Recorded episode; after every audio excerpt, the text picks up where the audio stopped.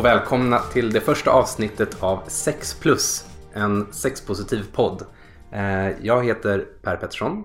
Bredvid mig sitter Padma Skrivelius.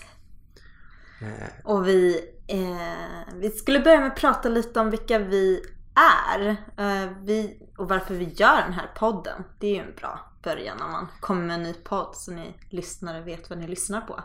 precis. Eh, och vi har ju båda en bakgrund i RFSU men av lite olika slag kan man säga. Jag har hållit på mycket med eh, fria relationer och prata relationsnormer och hur vi bygger upp våra relationsliv och lett lite samtalsgrupper.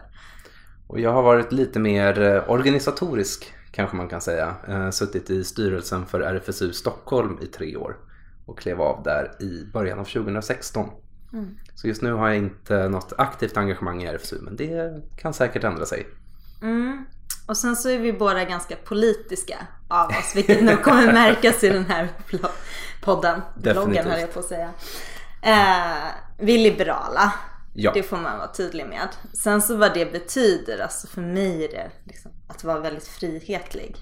Ja, och det har vi ju gemensamt. Men vi har väl valt lite olika spår i engagemanget. Mm. Eh, Jag är väl mer Centerpartiet och Stureplans centerliberal sådär.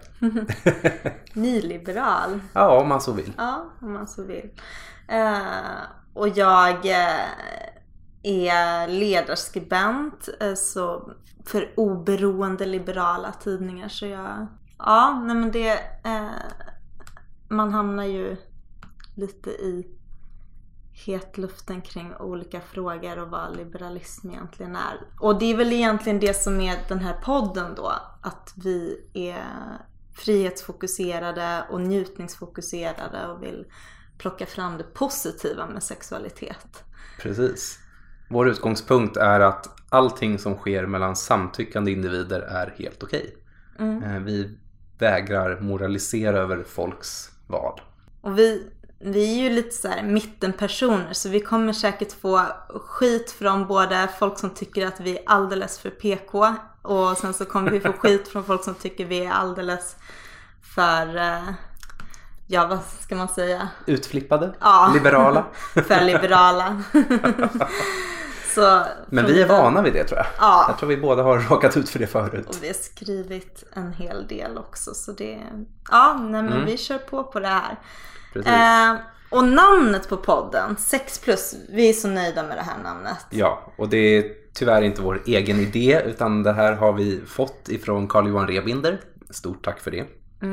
Eh, Men att det, det är ju ganska uppenbart var det kommer ifrån, just det här sexpositiva, 6 plus. Det är briljant namn. Eh, Vi har tänkt att i podden så ska vi faktiskt vara personliga i ganska stor utsträckning. Eh, inte bara förstås. Men vi eh, tycker att det är relevant att ändå kunna visa på våra egna erfarenheter eller på eventuella gästers erfarenheter. Och inte bara prata akademiskt och, och torrt om sex. Det är inte riktigt vår grej. Alltså, det här är ingen utbildningspodd på så sätt. Utan vi, vi kommer ju, man, förhoppningsvis lär er, ni er någonting. Förhoppningsvis lär vi av, av oss, av oss och varandra också. Ja. Och av våra gäster. Men eh, syftet är ju mer att eh, flytta gränserna med hur vi pratar om sex. Ja, jag har sagt det att vi vill egentligen prata lite i podden som om vi levde i ett samhälle som vi vill leva i. Inte som det vi faktiskt lever i. Att det är helt okej att prata om sex. Det är helt okej med nakenhet. Det är helt okej med i princip allt. Så länge alla inblandade har samtyckt till det. Och det leder väl oss in på första ämnet egentligen. Vi ska väl ha lite teman för den här podden.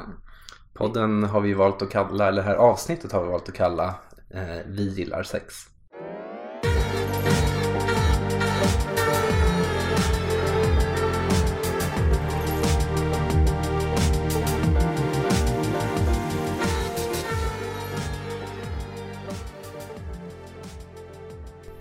Så, vad är då sex egentligen? Ja, alltså nu kommer vi direkt referera till RFSU här. Men de, de, har en så, bra, en så bra definition, tycker, sa vi att vi båda tyckte. Ja, ja. precis. Men att allt som gör dig upphetsad eller kåt. Det är en ganska så enkel och bred definition. Ja, uh. För det har inte uteslutit och definierat för snävt och så. Utan det är verkligen, det visar ju också på det här är någonting som är olika för olika människor. Det här är någonting som är individuellt. Mm. Jag och Padma går inte igång på exakt samma saker. Kan man ju säga. Nej, inte riktigt. Nej, vi gillar båda killar. Ja. Eh, I och för sig. Men lite olika killar. Ja, det tror jag. Mm. Även om eh, våra partners har samma namn. ja, precis. Um, vi, vi, tycker om killar som heter Martin. Mm. Uh, uppenbarligen. uh, men hur som helst, det här att sex är individuellt eh, är ju inte dåligt. Tvärtom. Det är något väldigt, väldigt bra. För det ökar ju spänningen. Spänningen i när man träffar någon? Eller ja, att eller... kommer vi matcha? Precis, men också att hela tiden utforska tillsammans med någon man kanske har känt väldigt länge. Eh, mm. Det finns alltid nya saker att upptäcka. Mm. Du vet aldrig vad du själv kommer gå igång på. Du vet aldrig vad din partner kommer gå igång på. Ni kan mm. hitta massor med spännande grejer om ni vill att prova och utforska och testa. Precis det där om. För jag tror det, det vanliga när man har varit tillsammans med någon väldigt länge kanske är att man fastnar i vissa Ja men den här positionen känns bekväm och så kör vi på det. Mm, mm. Precis. Det är väl därför många relationer kanske tappar stinget. Mm. Medan andra verkligen lever ut. Och sen så finns det ju alltid så här, hur experimentell ska man, måste man vara? Kan det inte vara skönt att bara, ja men det här vet vi funkar för oss. Så det, man, vi hamnar ju alltid i den där konflikten där att man vill inte pusha människor till att, eh, att det ska finnas en idé om hur, hur sexuell och hur kåt man ska vara hela tiden. Utan att det får vara okej att vara som man är. Och samtidigt att så här, okej, okay, man kanske, det kanske är bra att inte bli för bekväm utan testa lite för sin egen livsnjutning. Och... Ja, men precis.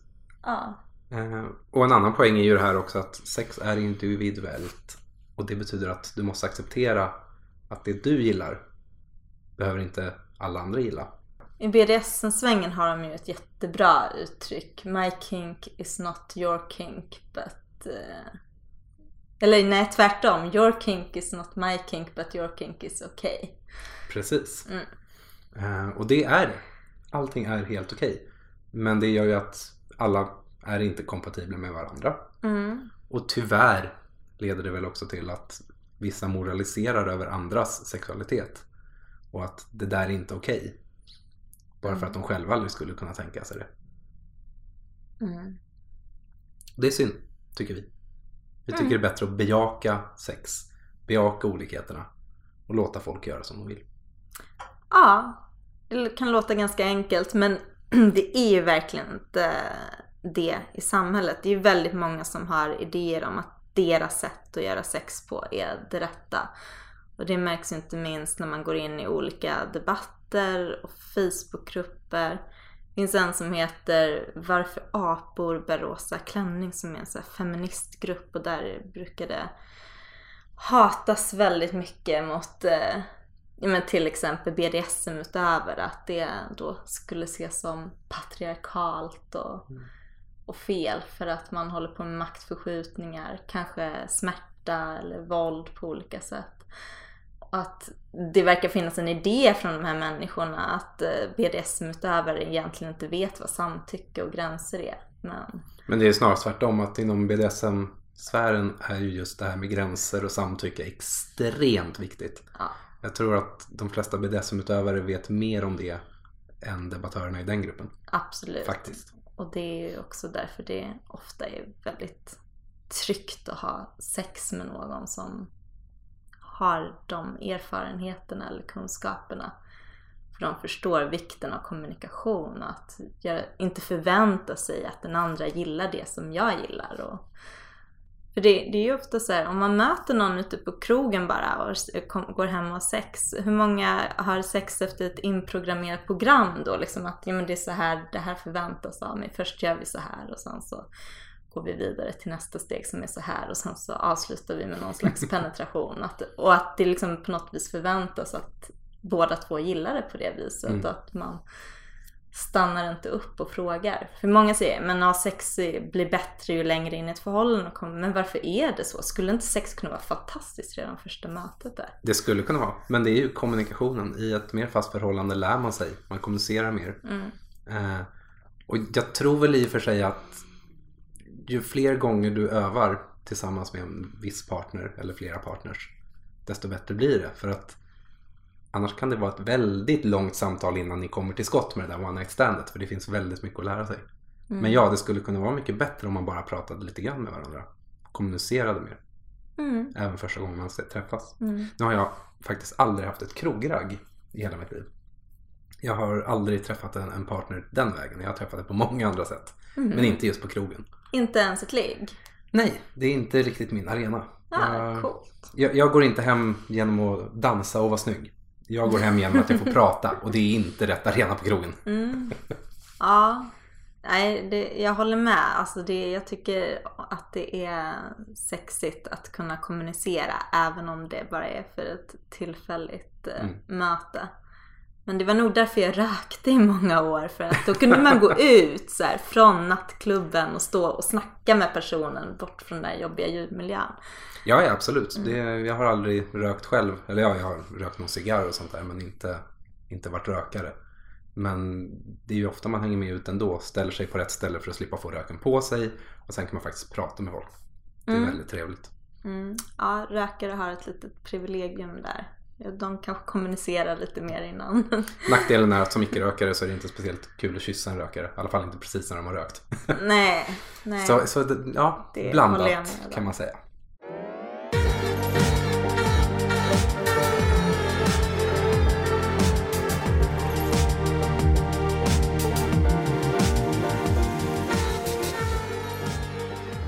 Någonting vi redan har varit inne på lite nu, men som vi tänkte prata lite mer om är stigmat i att erkänna att du är kåt. Mm.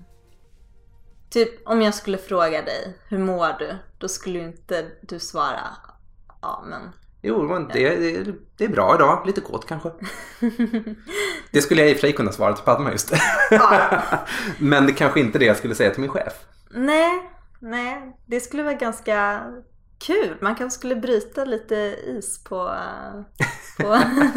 ja, och det beror ju på lite vilken chef man har, vad man har för relation mm. och vilken arbetsplats man är på. På vissa ställen funkar det säkert alldeles utmärkt.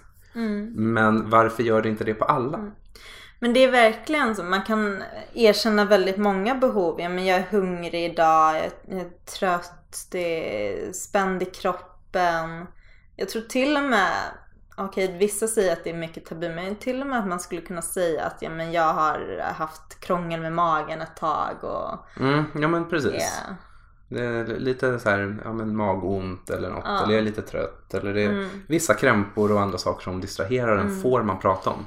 Men att bara, oh, nej jag har varit så kåt sista veckan så jag har typ inte kunnat sova. Jag bara onanerat fem gånger per kväll.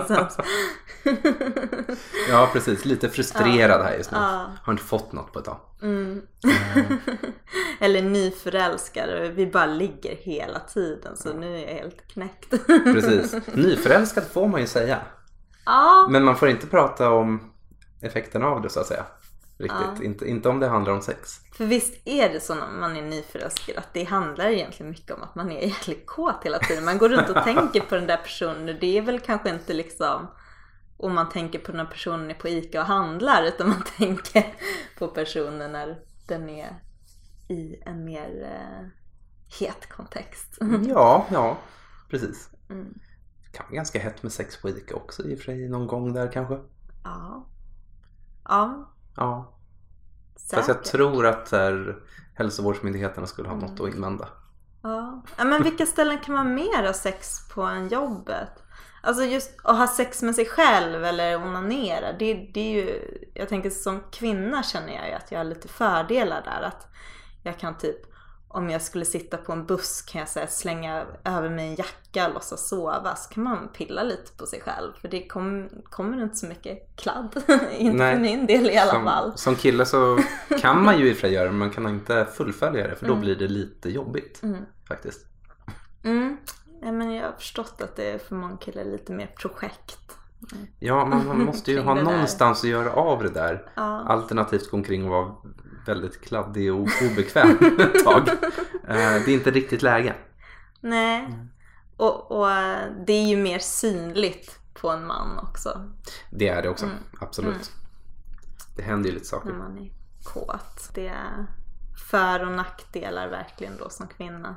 Mm. Ibland skulle jag nästan kunna känna att det hade varit skönt om det verkligen syntes. Typ att den typ skiftade färg när man blev kåt. Och så bara, nu är det okej att börja liksom utforska de delarna lite mer.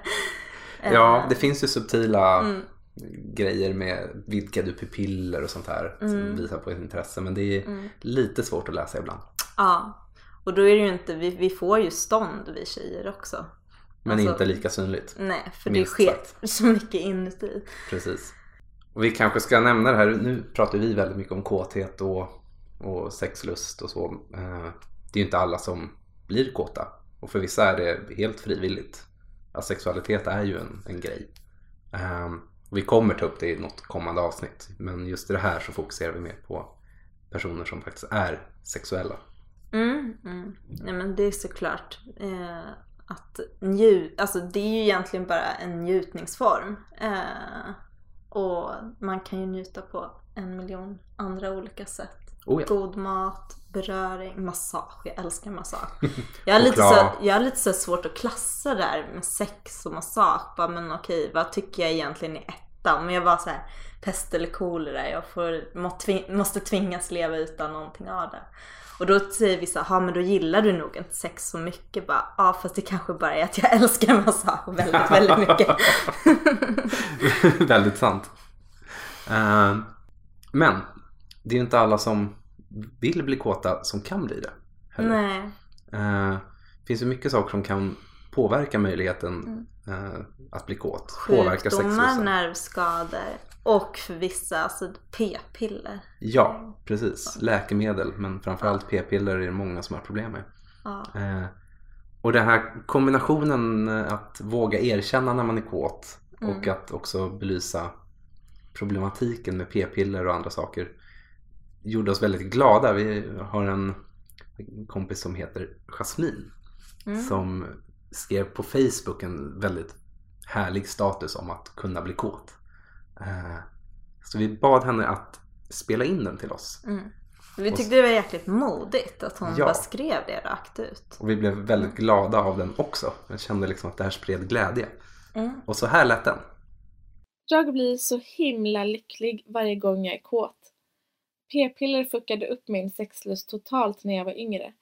Sen bytte jag preventivmedel och jag blir så glad varje gång jag vaknar hemma och är sugen på sex. Jag får vara kåt! Så härligt!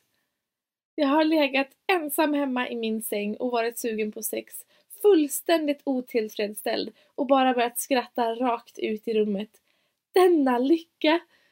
Eller när en sexvän gått förbi mig i rummet och jag blir upphetsad bara av att se honom.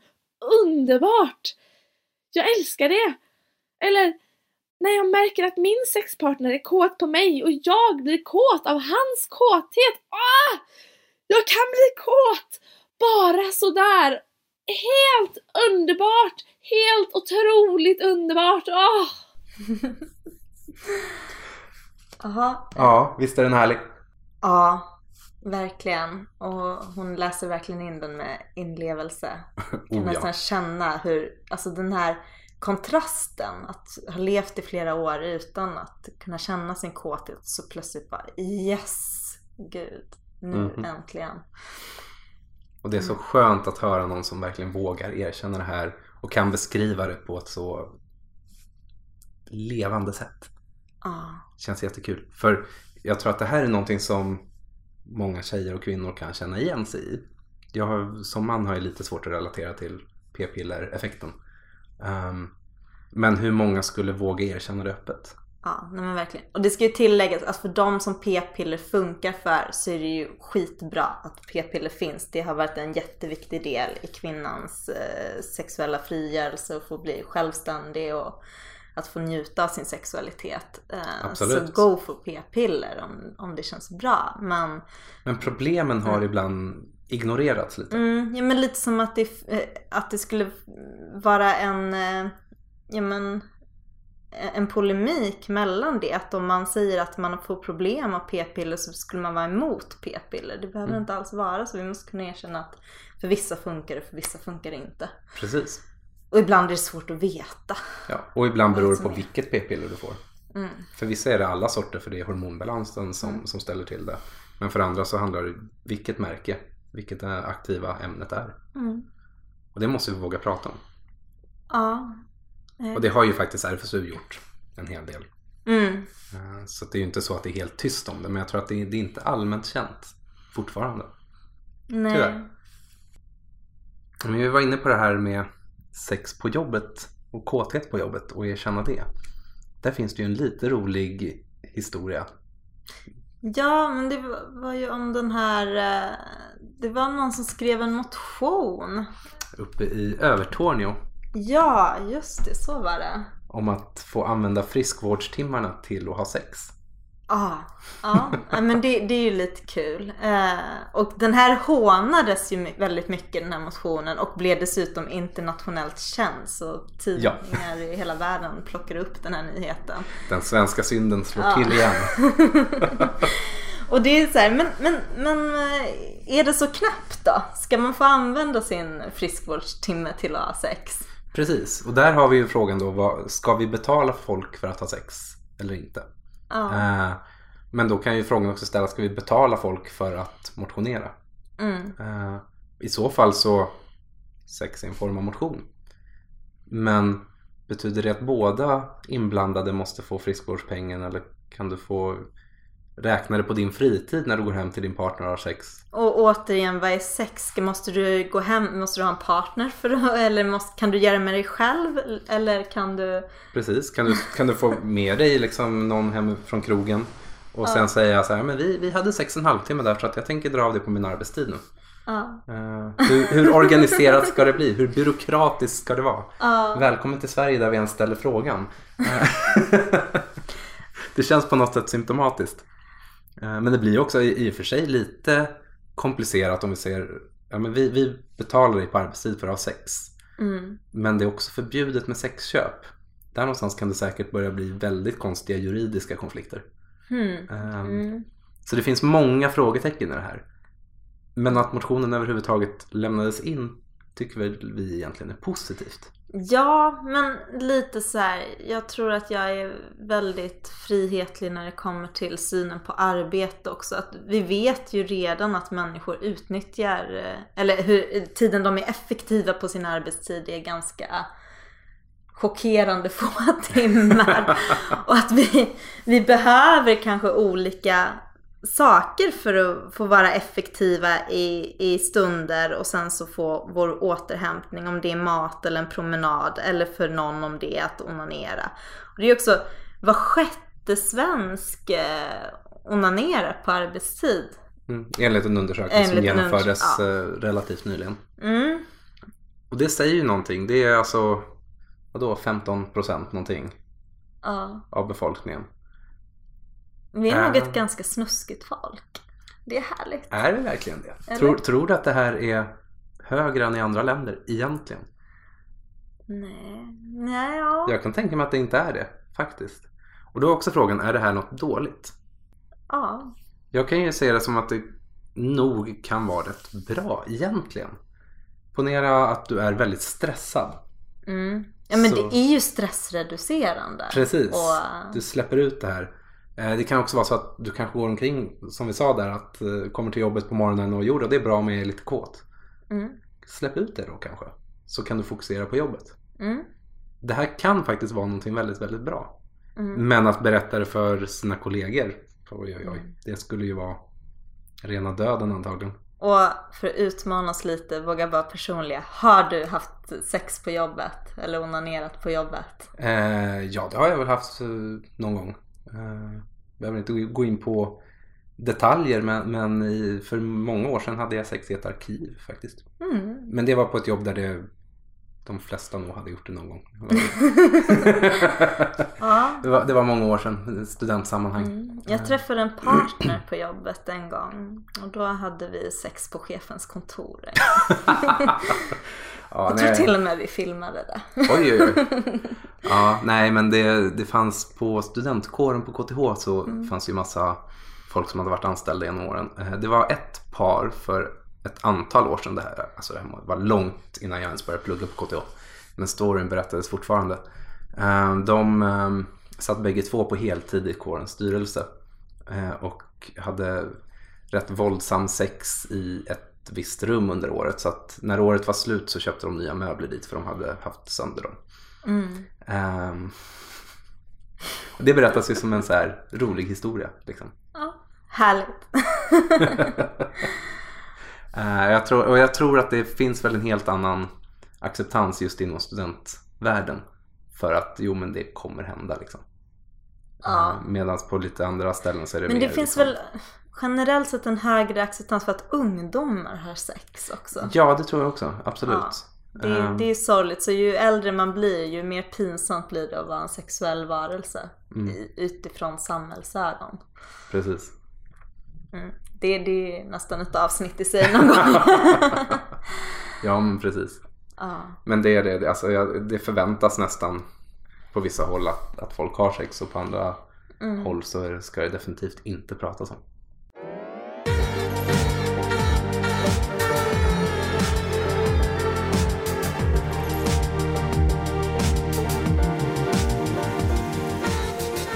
Mm. Nu har vi ju pratat lite om svenskarnas sexvanor. Och det förde oss naturligt in på nästa punkt vi tänkte prata om, det här med kartläggning. Ja, det hålls, håller, man håller ju på från eh, Folkhälsoinstitutets sida på initiativ från Gabriel Wikström som numera är sjukskriven. Men eh, att eh, man ska göra en omfattande kartläggning av svenska sexvanor. För det var väldigt länge sedan man gjorde det sist. För det har gjorts en gång innan, det bör ju tilläggas. Mm. Men det är många år sedan. Ja. Eh, och det, det här har ju fått en hel del kritik. Bland annat eh, Moderaterna har sagt att ja, men, vi ska inte gå in på människors privatliv och kartlägga det och så. Men ja, vad tycker du? Ja, Jag är ju lite kluven till det här. Ehm, generellt sett bör ju staten inte lägga sig i vad folk gör i sovrummet. Eh, samtidigt som det är bra med fakta och statistik. Ehm, jag är ju inte jätteförtjust i Folkhälsomyndigheten. Ehm, vet väl de flesta som någon gång har stött på mig i sociala medier eller andra politiska sammanhang. Eh, men om vi nu ska ha en sån myndighet som ska pyssla med bland annat eh, sexuell och reproduktiv hälsa. Då måste de ha ett underlag för att göra det. Mm. Men lite, jag tycker väl, jag är nog, bryr mig nog inte lika mycket om vad, vad, vad som görs i statlig regi och vad som görs i privat regi. Men, men att, eh, att eh, vi betalar ändå skatt för att ha, och ha en folkhälso, ett folkhälsoinstitut. Det var ett svårt ord. Folkhälsoinstitut. Ehm, och ehm, ja, ja, men jag tycker ändå det är en vettig grej. eh, att man eh, kartlägger. Ja, alltså, jag, jag kan ju tycka det. Frågan är vem är det som ska göra det här? Är det verkligen då Folkhälsomyndigheten eller är det någon annan aktör? Eh, RFSU har ju gjort många undersökningar och har högt förtroende bland folk att pyssla med sex på olika sätt. Eh, så det skulle ju kunna vara en aktör som man möjligtvis då ger i uppdrag att göra det här. Ett annat sätt är att gå till ett eh, universitet eller en högskola och be dem genomföra en mer akademisk undersökning. Eh, Jag ser väl en risk i att om det kommer från en myndighet på det sättet eh, så kan folk vara lite mindre benägna att berätta hela sanningen, eventuellt. Sen ska det ju konstateras att ett universitet är ju också en myndighet tekniskt Mm. sett. Men mycket mer fristående. Och svenskar har väldigt högt förtroende för staten. Vi tänker att de vill ändå vårt bästa och inte är korrupta och gör saker i egna syften och för att kontrollera oss på något vis. Eh, Så är det ju också, absolut. Och, och överhuvudtaget att undersöka om sex måste man göra. Man måste forska om sex och undersöka om sex. Det blir lite annars som att nej men vi ska inte forska om prostatacancer för vi har är inte med att göra vad folk gör på toaletten. Det, det, är klart att man måste göra det. Ja, så det, det är ju en lite kluven fråga det här. Men som vi såg, vi, har- det har gjorts undersökningar om hur ofta vi onanerar på jobbet. Så att, eh, att göra andra undersökningar om sexualvanor borde ju inte vara så svårt. Mm. Det är mer en fråga om vem som ska göra det. Men att få in forskningsmaterialet, få in fakta, Mm. eh, få in data. Det är avgörande om man ska kunna jobba också med sexuell och reproduktiv hälsa. Så är det. Ja, och för att kunna utbilda och upplysa så måste vi ju veta vad vi har att göra med. Eh, Ja. Och, och vilka, var problemen ligger och om det, var det nu finns problem. Precis. För att dra ut på, på en helt sidospår här så eh, hade RFSU för ett par år sedan en kongress där frågan om sexköpslagen dök upp. Mm. Eh, varpå kongressen konstaterade att det, det fanns väldigt många argument som, som de hade hört flera gånger förut men det var ingen som kunde visa på en undersökning om effekterna av lagen. Vad hade den faktiskt betytt rent faktabaserat bara? Mm. Så då bordlades frågan och så gjorde RFSU, eller snarare RFSU, bad ett, högskola, Malmö högskola, och en forskare där gör en undersökning på de faktiska effekterna för att kunna uttala sig på nästa kongress på ett faktaunderlag istället. Istället för löst tyckande. Men det är väl jätteviktigt för ibland kan man ju verkligen slå sönder eh, utdragna debatter genom att bara, ja men så här är det faktiskt. Ja. Eh, ja, om det finns fakta så kan man i alla fall säga emot dem som har en föreställning Mm. om någonting. Eh, är lagen bra eller dålig för de som har sex mot ersättning exempelvis? mm. Ja eller nej? Ja, det kunde man inte svara på. För det var ingen som hade kollat på det. Mm. Nu finns det fakta så nu kunde RFSU eh, förhoppningsvis ta ställningstagande baserat på det. Ja, ja, men i RFSUs medlemstidning Ottar så skrev de i förra numret också det här om där de slog ett slag för eh, den här undersökningen eller kartläggningen så skrev de att sex är politik. Och det, då var det helt enkelt om att eh, rätten till eh, preventivmedel och abort och de gav något exempel på om när man blir gammal och fortfarande vill eh, ha sex med sin partner eller vara intim med sin partner så blir man inflyttad in på något äldreboende och inte kan Nej. eh, dela säng med den personen längre för att de har de re, att, att så- viktigt det är att förstå att eh, samhället måste ha en medvetenhet om att närhet, sexualitet, beröring är viktigt för människor. Precis. Alla som har försökt ha bra sex i en 90-säng vet ju hur knepigt det kan vara till och med när du är liksom tonåring eller 20-årsåldern och fortfarande är, ganska så vig. Föreställ er det när du är 85 år gammal. Ja. Det kommer sluta i, i eh, ja, på ett annat sätt än vad man skulle önska med största sannolikhet. Mm, undrar hur många höftledsfrakturer som eh, kommer från att 85-åringar har försökt. Det här är ett resultat jag skulle vilja ha av den här eh, kartläggningen av svenskars vi, vi, får, sexualvanor. vi får be dem eh, speciellt att undersöka det. Precis, hur många höftledsoperationer krävdes efter att folk har försökt ha sex på äldreboenden? Ja. Eh, intressant fråga. Det finns ju några äldre personer som faktiskt har pratat väldigt öppenhjärtigt, eh, öppenhjärtigt om sina sexualvanor, även som gamla. Jag, jag tycker alltid det är så härligt att se att nej men, här kommer någon som är 85 år eller mer och berättar att men vi har sex, det är inte så ofta längre, kanske bara liksom tre gånger i månaden, men vi har det i alla fall. Mm. Ehm, och sen inser man att vissa som är i 20-årsåldern inte har sex så ofta som tre gånger i månaden. Så det, det är också rätt häftigt. Mm, verkligen, och ibland kanske det är ja, men återigen okunskap som får äldre att sluta ha sex. Att de tänker att ja, men det inte förväntas av dem längre att de ska vilja det eller att eh, slemhinnor som torkar ut och så vidare så gör man ingenting åt det för man vet inte att det går att ha lite hjälpmedel. Precis, det finns ju både hjälpmedel och det finns ju andra sätt att ha sex på. Sex är ju inte bara penetrering. Nej. Eller omslutande sex, beroende på hur man ser på vilken part som är aktiv kanske. Ja. Nej. Och därav vikten att, att utforska lite och testa. Våga gå utanför sina komfort eh, eh, eller vad man ska säga. De här föreställningarna om att ja, men det här har jag gjort, det här vet jag att jag är bra på eller kan. Ja, precis. Men för att gå tillbaka innan vi avslutar det här ämnet helt, apropå då ska staten göra en sån här undersökning eller inte? Så en del i det är ju förstås där att staten ska hålla sig utanför folks sovrum. Men en annan bit är också integriteten, den personliga integriteten. Vad vill du berätta och för vem? Eh, Och att det finns många som inte tycker att staten ska veta de här sakerna om dig beror ju delvis på att det är tabu. Att det här är någonting som man inte pratar om. Så om staten får reda på vad du har för dig så kan de utnyttja det på något sätt. Men, Och ja, det skulle ju, i vårt drömsamhälle så skulle inte det vara en fråga. För där skulle det inte vara tabu att prata om vad du har för dig i sänghalmen.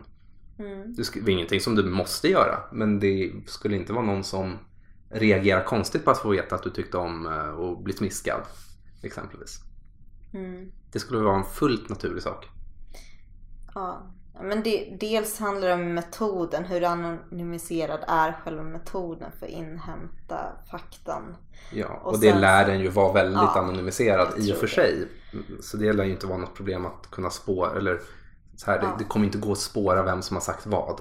Och sen så vad är, vad är faran om någonting kommer ut? Alltså jag, jag är ganska så här eh, personligen att jag inte sätter integritet jättehögt i mitt liv. Vilket eh, annars hade jag inte suttit där jag är idag. Eh, och bloggat och skrivit och uttryckt mina åsikter i politiska text, texter eh, hela dagarna. Så mina åsikter och tankar är väldigt kartlagda. Och, det, och jag ser ett värde i att människor vågar bli mer öppna. Jag tror vi mår bra av det. Att känna att ja, men det var inte så farligt att säga det här. Och de här, många av de här rädslorna är, kan vara ganska obefogade. Ja, precis. Eh, utan det är ju... Men visst, om man inte lever i en, den typen av liberala demokrati vi gör så kan det ju vara jättefarligt att eh, det är ute att man är gay eller någonting annat. Ja, precis. Tittar vi på Tjetjenien så är du gay så hamnar du i interneringsläger och kommer inte därifrån levande just nu. Ja, det är så vidrigt. Det är koncentrationsläger om igen Ja. 2017. Ja, Precis. svårt att fatta. Men som sagt, i vårt, i vårt samhälle som vi önskar att vi hade så skulle det inte vara en fråga. Det skulle Nej. inte vara någon som skulle vara orolig för att berätta vad de gör i sängkammaren Mm. överhuvudtaget. Eller vart man nu vill ha sex. Vi vill inte begränsa oss till sovrummet. Tvärtom, det är mycket roligare att köra på andra ställen. Tycker du? Jag älskar sovrummet. Ja, det, det är väldigt bekvämt när du har en säng. Alltså det, det är lite jobbigt när det inte finns någonstans att liksom kunna ligga ner. Mm. Eh, så här, men, men jag tycker att det är roligt att göra det på Mm. andra ställen. Eh, men ja, jag är lite bekväm av mig också. Så att det här med med stående eller liksom... Toaletter tycker jag inte. Det luktar, Nej, men det luktar illa, illa. och det är liksom Nej. offentliga toaletter. Nej, nej, nej. nej, nej, nej, bort. Jag, jag tänker mer så här. Jag, jag är ju scout också. eh, Så jag har varit ute och, och campat en del och så. Eh, Nu har jag aldrig faktiskt eh, träffat någon inom scouterna så. Men finns det något mer romantiskt liksom att tänka sig än en klipphäll Ja, med ett eh, liggunderlag helst då. Ner liksom mot vatten, gärna i solnedgången. Alltså det, det här är någon slags idealbild av det romantiska för mig. Mm. Eh, Just att vara ute i naturen är, det är, det är en så härlig känsla så. Mm. Ja, men det, är- det är ju frihetskänslor i det samtidigt. Och Mm, få- frisk luft och fågelsång och Ja. ja. Jag, det, det, jag sätter ju ett jättehögt värde bara i att få vara naken utomhus tycker jag är det kan vara ganska skönt också.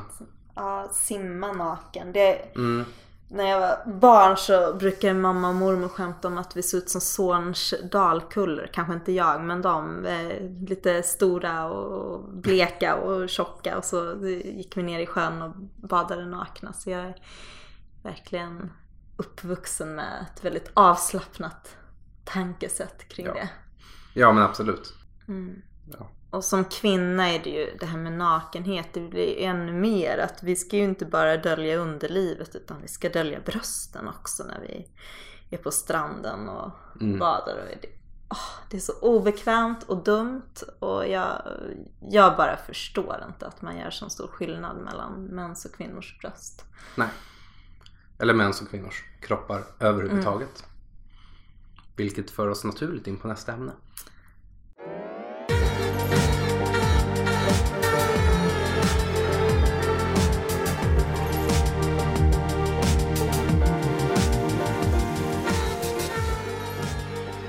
För det sista vi tänkte prata om här är just den här synen på en människas kropp och på sexualiserad reklam egentligen. Väldigt specifikt. Eh, Vilken plats kroppar och nakenhet och sex får ta överlag i samhället men också i det offentliga rummet. Ja, det här är ju någonting som jag har skrivit en hel del om för att det stör mig något fruktansvärt. Eh, eh, att vanliga reklamfilmer eller reklambilder på kvinnor som visar hud ses som könsdiskriminering. Alltså bara, bara smaka på det ordet, könsdiskriminering. Vem är det som är diskriminerad? i det här sammanhanget för att hon har visat hud.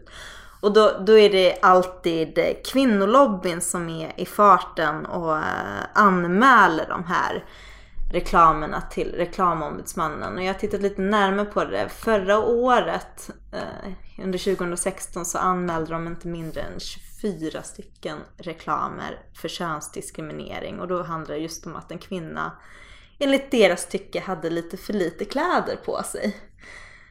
Ja. Mm.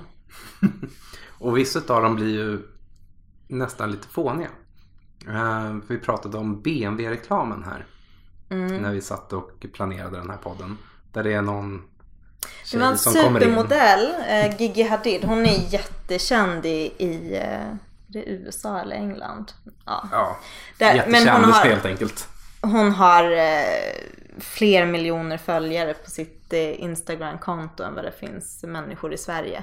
Mhm. Ehm, så, och hon gjorde en reklam för BMW där man ser henne gå in i en bil och sen så säger de Can you keep your eyes on Gigi? Och då eh, så kör hon iväg och så kommer det en massa andra bilar och blandas med den här så då blir det som en liten lek och man kan se komma ihåg vilken bil det var när det kommer en massa andra runt omkring. Och sen så kliver hon ur bilen.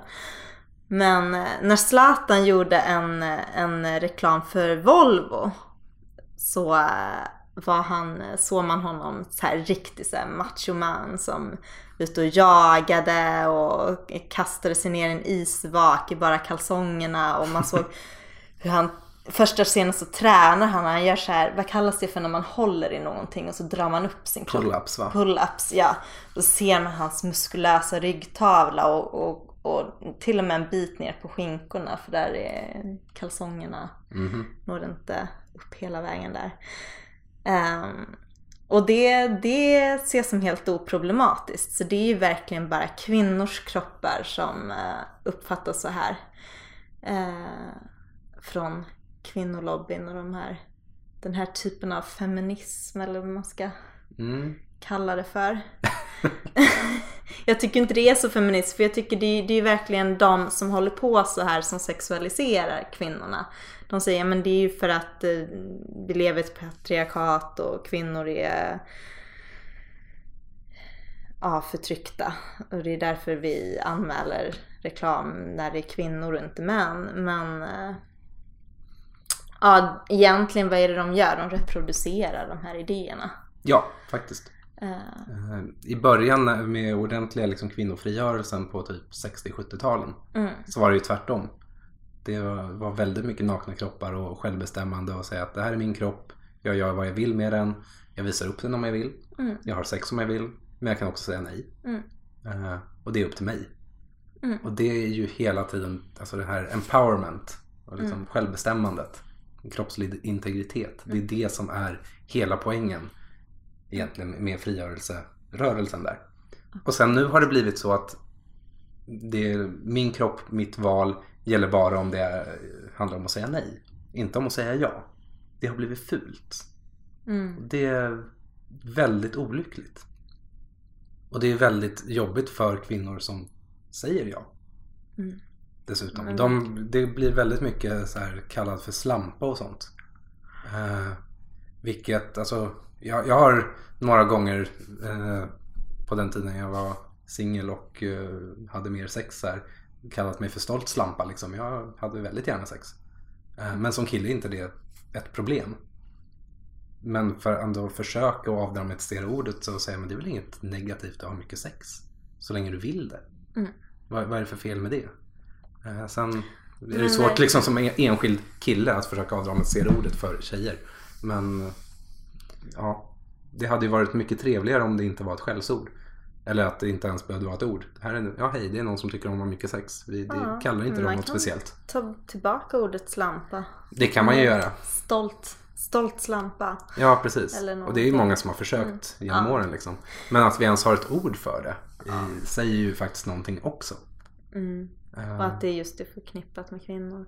Ja, precis. Det är väldigt mycket sådana speciella. Och alltså, slampa är ju ett ord för att förminska kvinnor som har mycket sex. Mm. Och sen har man, eh, använder man ordet eh, liksom frigid på svenska eller är det mer ett engelskt ord? Men i alla fall för de som inte vill ha sex alls. Det är också fult. Det är vad, vad du än gör som speciellt då kvinna så är det fel.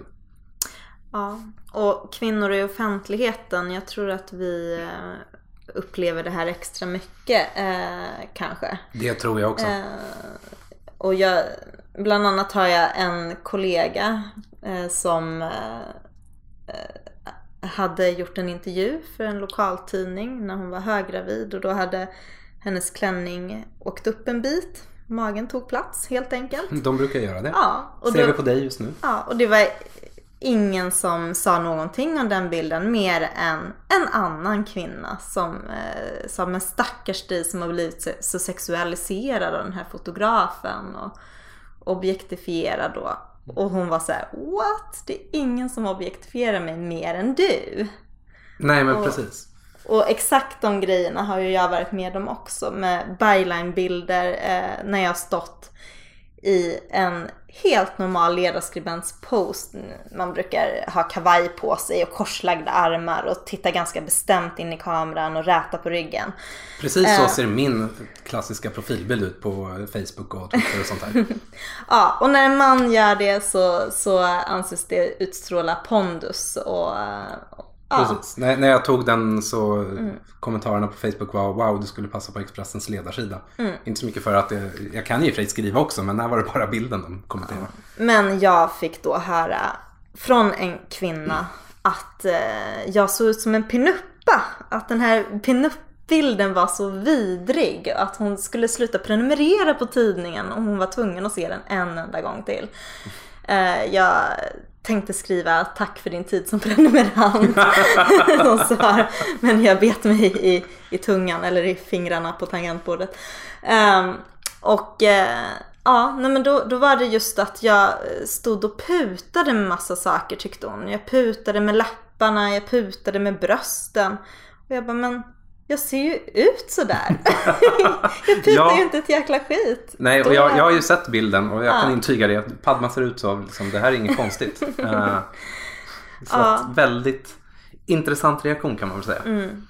Och ja, kvinnor granskas ju mycket mer på det sättet. Ja, Det- och så sjukt också. Men skulle jag sjunka ihop med min hållning för att inte mina bröst skulle synas? För rätar jag på mig, ja då ser man att jag har två stycken bröst. Precis. Det gör man på mig också i och för sig. eh, om, jag står väldigt rak i ryggen. Mm. Ja, tjusigt. Ja. Kanske inte tillräckligt för att fylla ut en bh men det finns lite mer där än jag skulle önska. Kupa skulle du kunna, eller en Ja, sån där. AA. Ja, kanske. kanske. Det, det finns lite mer än vad jag skulle önska. Mm. Men nej, det är ju ingen som skulle komma på tanken att att börja prata om en mans kläder på det sättet. Nej. Eh, när de gjorde en poäng av det, det var någon finsk media tror jag, undrar om det var i samband med Nobelfesten.